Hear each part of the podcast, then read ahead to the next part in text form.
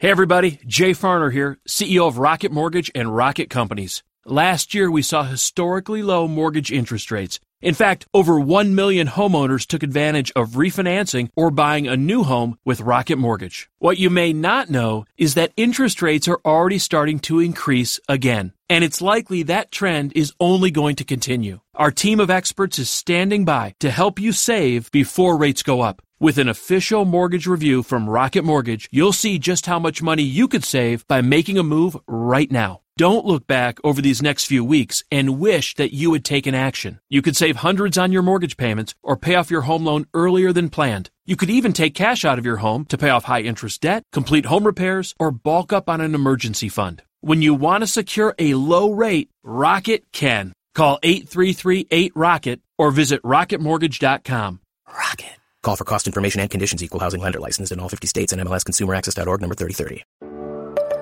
This is what matters most, and I'm Matt Popovits. Look, life is crazier than ever, and lots of people, maybe even you, are feeling anxious and overwhelmed. Today's message is designed to help you figure out what's most important and to experience the peace and joy that God intends for you. Because life is a gift, and it shouldn't be wasted on worry. I'd like to give you a resource, something to help you navigate the road ahead.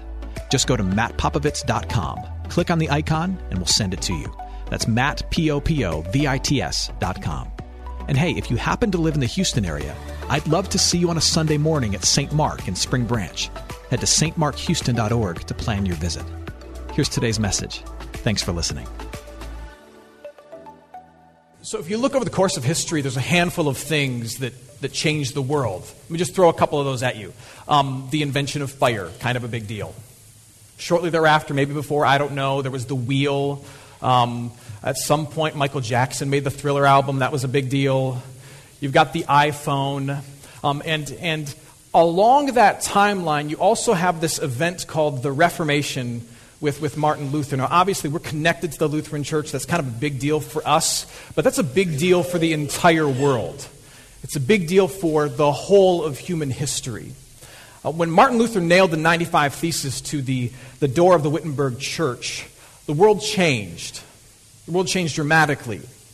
And at the, at the core of his, his argument, his issue with the Roman Catholic Church at the time was simply this. He wanted to make a distinction between empty religious activity and real Christian spirituality. A distinction between empty religious activity and real Christian spirituality. In fact, he articulated it like this. This is the first line from Luther's 95 Theses. This is what he said Our Lord and Master Jesus Christ has willed the entire life of believers to be one of repentance. Now, Luther's drawing a distinction here. He's drawing a distinction in his mind between empty religious activity and true Christian spirituality. And what he says is that true Christian spirituality contains a lot of things, but at the heart, at the center, at the core of it, is a life of repentance. People are still asking to this day, what does it look like to be um, a, a dedicated, devoted follower of Jesus Christ? And there are many ways to answer that in a lot of people's minds. Uh, as a dedicated, devoted follower of Jesus Christ, you probably go to church a certain number of times a month. You probably give money to charity. Maybe you, you avoid certain television shows. You have a little Christian fish sticker on the back of your car. That's what makes a real devoted follower of Jesus Christ. But all of those things are secondary, according to Luther, to a life of repentance. Uh, we're going to be in a teaching series called Regarding Repentance. It's a chance for us to focus inwardly on what it means to be a broken people in need of the forgiveness of Jesus. But it's also an opportunity for us to remember what the life of following Jesus is really about and what it isn't at all. Uh, what, Luther brought to mind, and, and what Christians throughout time have, have really known, is that there is a difference between empty spirituality and true spirituality. Empty spirituality is full of religiosity, doing a lot of religious looking and sounding things in order to try and get right with God. But real spirituality is in the end filled with one thing a life of repentance. And that's what it comes down to. In a world where we're trying to discern what is empty spirituality and what is true Christian spirituality, it comes down to two things religiosity versus repentance. A lot of Christian looking activity that is focused on making myself feel better, or a life of rejecting myself and clinging on to the forgiveness and the love and the mercy of Jesus Christ. And this morning, I, I want to spend just a little bit of time distinguishing between those two things between empty spirituality and true spirituality, between religiosity and repentance. Guilt is a powerful thing. Guilt, when it shows up in your heart and your mind and your life, can drive you to do beautiful things and crazy things. Um, guilt is what at one point uh, drove my daughter, when she knew that she had disappointed me, to find me in my office, knock on the door, and before I could open the door, slide a note underneath that said, Daddy, I'm sorry. Please forgive me. That's a beautiful thing. And so I decided to frame it and keep it for when she's like 13. And then every time she's evil, just show it to her and be like, You were cute once. Uh, guilt can drive you to do beautiful things. That's a good thing. Uh, guilt can also drive you to do crazy things. Both religiosity and repentance begin with guilt. Both the activity of trying to, to get your life right and please God and true spirituality of pivoting away from your sin and onto Jesus, they both begin with guilt. But in religiosity, when I feel that ping of guilt, that, that pang of, oh my gosh, I've done something wrong, when that moment comes where God's truth is revealed to me, God's law is clear to me, and I know that I've fallen short, that I've made a mistake, that I'm out of step with God's character, whoever He may be, religiosity responds to that moment by doing a whole lot of activity to try and make me feel better. Religiosity is, in the moment of guilt, me trying to feel better through activity. Where repentance is me, is, is, rather, is God making me new through Jesus Christ. So let's talk about religiosity. Um, when guilt comes to me, I need to get the weight of that guilt off my back by doing certain things. I say to myself, well, I'm going to be nicer. I'm going to go to church more.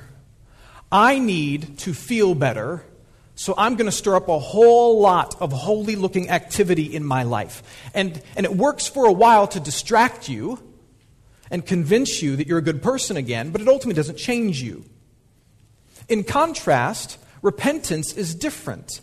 It's different from religiosity in that, in the moment that God's truth convicts you of your brokenness and your sin and your evil, rather than stir up a lot of Christian looking activity to make yourself feel better, God starts to do something in you and you start to experience some sorrow over sin. And rather than dive into activity to make yourself feel better, you reject your previous sinful activity and you turn and you respond to and you embrace and you call out to and you pray to Jesus to receive the forgiveness of the gospel. Religiosity is about activity that makes me feel better in light of guilt. Repentance is about turning from sin and embracing Jesus in light of my guilt.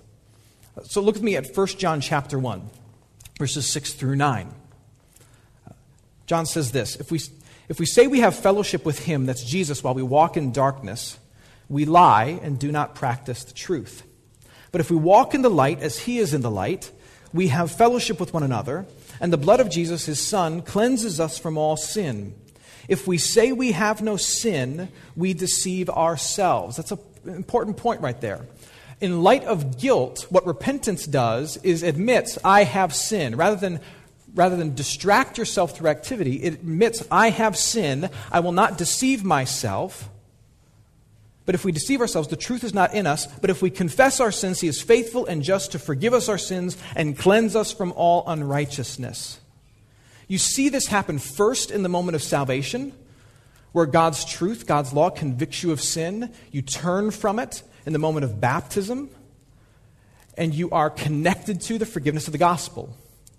And then this is repeated over and over again in the life of the believer, where over and over again you are convicted of your brokenness.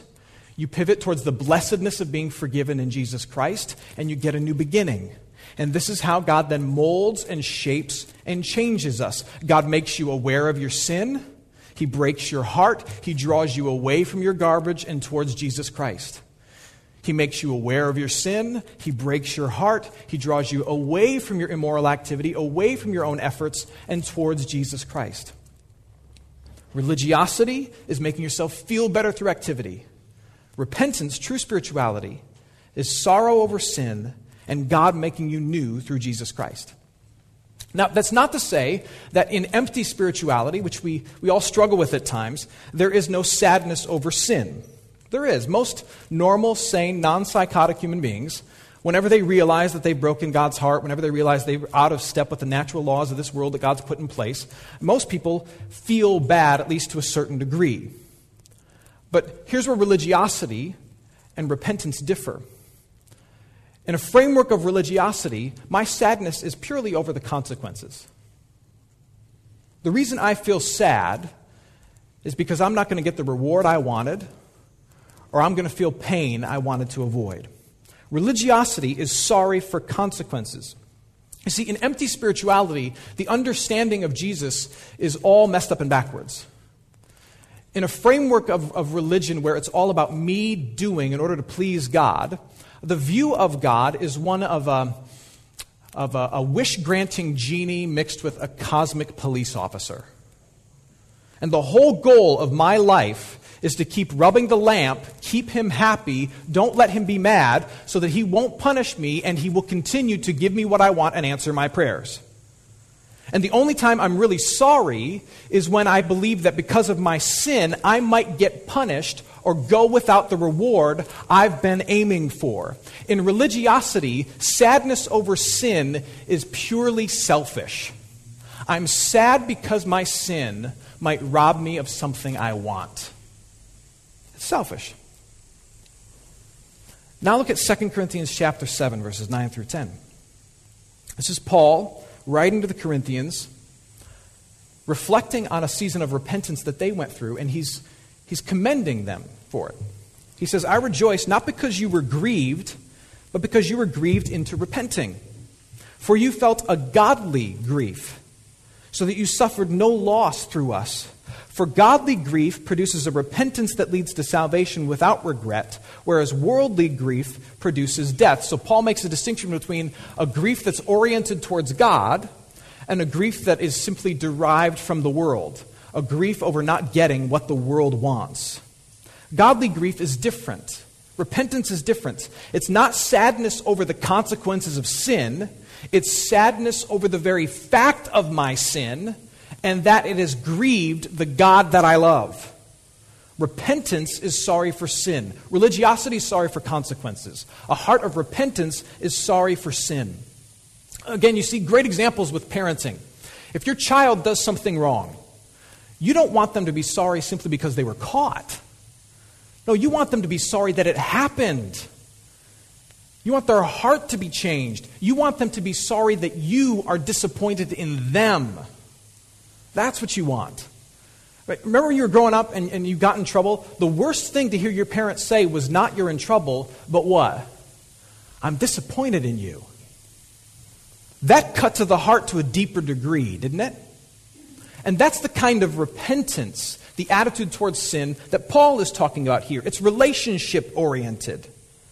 I don't want my child to be sorry that they were caught. I want them to be sorry that it happened and that it grieved my heart. Repentance is sorrow that the heart of this God who loves you, who chose you, who created you, who undeservedly pours grace upon you, that this God has had his heart broken by you because you are foolish enough to try to get some of the peace and grace and mercy that can only come from Him from something stupid. And repentance is realizing that and being driven away from the empty things that you've been chasing and pivoting back towards the grace and mercy of Jesus Christ. And you call out to Him and you pray to Him, not out of fear of punishment, but because you realize that the path you've been going down is a threat to this relationship that you treasure. Do you see the distinction there? I hope you're enjoying today's message. For more of what matters most, you can head to mattpopovits.com. There you'll find other messages. You can support this ministry as well as access your free gift. Oh, and if you're looking for a local church and you live in Houston, come and see what's happening at St. Mark Houston. To plan your visit, head to stmarkhouston.org. Thanks for listening, and back to today's message. In fact, here's what's true a system of religiosity is what's painful and oppressive and sad. But a life of repentance, I would argue, is easy and freeing. A system of religiosity is painful and oppressive, but repentance is easy and freeing. You know what's sad? Sad is having to do stuff to deal with your own sin. What's oppressive is feeling like you need to punish yourself every time you do something wrong in order to make up for evil. What's oppressive and sad is feeling like you have to look down on yourself in order to convince yourself and to convince God that you, that you deserve to be forgiven. Well, the truth is that Jesus suffered for you. The truth is that Jesus suffered in your place for your sin. You don't have to punish yourself to get right with God. We simply we rest in and we receive in the acceptance that's been earned for us in Jesus. In a system of religiosity, your only hope in this world is to live a good moral life. And that's a lot of pressure. It's like your whole life is as if you're an Olympic gymnast. And everything in your entire existence is aimed towards earning the gold, which makes every fall, every falter, every stumble in your life deeply traumatic because it's a threat to your ultimate goal, which is to get the prize based on your performance. Um, that's why, in a, re- in a system of religiosity, where it's about having enough religious looking activity to prove your worth to yourself and to the world and to God, every time you stumble and fall, it is deeply traumatic because it's a threat to your self worth. I'm a failure, and I can't be a failure. Which is why most religious people, most people who, who view their spirituality as something about them doing versus admitting their brokenness and resting in Jesus. Most people who have a system of religiosity will only admit their sin under great, great duress, only when they're really forced to and it gets really, really bad. And the reason is because their whole hope is in their moral goodness. And if they admit their immorality on a one time basis or a regular basis, they lose their right to make a case for gold. And so they rarely, rarely do. But in true spirituality, your faith is not in you at all. Now, you will try to put it back in yourself every single day. And again, that's where repentance comes in. Oh, that's right, my faith is not in me. It's in Jesus Christ who's earned forgiveness and love and acceptance for me. In true spirituality, your faith is not in your performance at all, in any regard, in any aspect of your life, but in the acceptance that has been won for you through Jesus Christ. And, and when that hits you, when that becomes a part of you, it makes it easier and freer to admit all the garbage in your life when it appears because you know that you're not going to be rejected for it. The reason repentance is easy and freeing is because you know that my worth, my acceptance, is not based on my performance. There is, there is no threat involved in me confessing my brokenness. I don't lose a notch in God's eyes, whose opinion is the only one that matters. I don't lose an ability to claim the prize at the end. There is no punishment attached to repentance. If you don't believe me, I've got a couple verses you need to memorize, put in your fridge. Romans 8, verse 1. There is therefore now no condemnation for those who are in Christ Jesus. Here's one of my favorites Romans chapter 10, verse 21. Uh, this, is, this is Paul referencing God's attitude toward lost people and broken people. He says, All day long I have held out my hands to a disobedient and contrary people. Do you want to know what God's attitude towards you is when you're rebellious? It's, it's not this, it's this. In a life of repentance, you know that. In a life of religiosity, you, you ultimately believe that God's stance is like this with his hand back, ready to slap you. He's watching you on the balance beam. He's checking out how many times you go to church per month, which, which matters, but it doesn't matter for him. He's checking out how much you tithe. He's checking out how many people you check out. He's checking out everything. He's got his hand back like this, and you're there to perform. And if God's not there to slap you, you're there to slap yourself, and you believe everybody else is too. But in reality, here's God's attitude toward you this He holds his hand out to disobedient people, which means it's safe for you to admit what? That you're disobedient, that you're broken, that you're evil, that you don't have it figured out. And this is what Luther was getting at. He says the whole Christian life is simply realizing that you're a mess and God's hand in Christ is always extended to you, always. And you don't go through a single day without realizing that the whole point of your entire existence is to stop running away from that opening hand, but instead rest in it and let it envelop you into a hug and say, I'm forgiven, I'm loved, I'm chosen. Now I will go forward and be a different human being every single day. And over time, that attitude becomes a part of the rhythm of your life and a, and a source of joy. Because, because every time brokenness is revealed in you, yes, it breaks your heart for a moment, but it also becomes this opportunity to bounce back to the blessing of being loved anyway in Jesus Christ and then being given a new beginning. And so you see a pattern emerge in your life. This is what Luther was getting at when he said the whole Christian life is one of repentance. The whole Christian life is one of this I'm broken.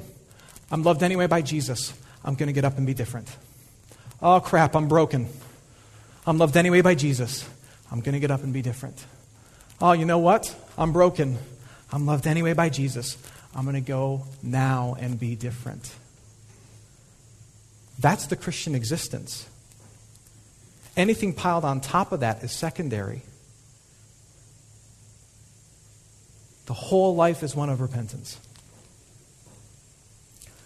If you have a great parent, you don't live in fear of failure. You know that when you make a mistake, there will be truth, and that truth will hurt. But that after truth, there will be hugs, there will be forgiveness, there will be a new day. And that makes you want to love that parent, it makes you want to honor that parent, it makes you unafraid to go crawling back to that parent. And that's the relationship we have. Uh, some people accused Luther of having a, a simple view of Christianity. When he said the whole life is one of repentance, they said that's far too simple. There's more to it. And certainly there are more aspects of it. But there's nothing else really at the heart of it. It is a simple view of things. The, the basics of our faith is this you are broken, you are evil. You are unlovable. You are unworthy. You are unable to save yourself and do a dang thing about it. You, you are unable to bridge the gap between you and God. Article 1. Article 2 is this God is ferocious in his grace and his mercy and his pursuit of you. He loves you anyway, and he sent his son Jesus Christ to cover over your sin and make you new once at the moment of salvation and every single day in the process of sanctification. That's it. If those are the two big truths of Christianity, that you're evil and God loves you anyway, then what else can sit at the heart of the Christian faith than recognizing that and embracing this? That's it. My, my, my, prayer for us is that we would be a people that, that rebel against all of our religious instincts and I don't mean religion in the sense of tradition. I mean religion in the sense of I've got to do spiritual looking things in order to earn my worth in my own eyes, in the eyes of others, in the eyes of God. That we rebel against that. That the Holy Spirit would light a reformation in your soul against earning God's love, against avoiding consequences, and the oppressive belief that you can prove your worth to the King of grace and mercy that everything within you would press against that, and that you would simply do what Jesus called everyone to do the first day that he showed up on this planet, which is simply this repent. The kingdom of God, mercy, grace, and goodness is here. Repent, know that you're loved. Repent, know that you're accepted. Repent, know that you're His. Repent. Know that it's not about being good, it's just about being with Jesus. Period. Turn from who you are and embrace and rest in all that Jesus is. That's the Christian life. Amen. Hey, it's Matt. I hope you enjoyed what matters most. Here's what I need you to know life is a gift, and it shouldn't be wasted on worry. I want to help you figure out what's most important and to experience the peace and joy that God intends for you. So, for more content, you can head to mattpopovits.com. That's Matt, P O P O V I T S.com. There, you can also support this ministry as well as access your free resource, a little something to help you navigate the road ahead. I'd also love to see you on a Sunday morning. If you're in the Houston area, head to stmarkhouston.org to plan your visit. In the meantime, hit me up on Instagram at mpopovits or at facebook.com slash Matt Popovits Ministries. Thanks for listening. Now go and hold tight to what matters most.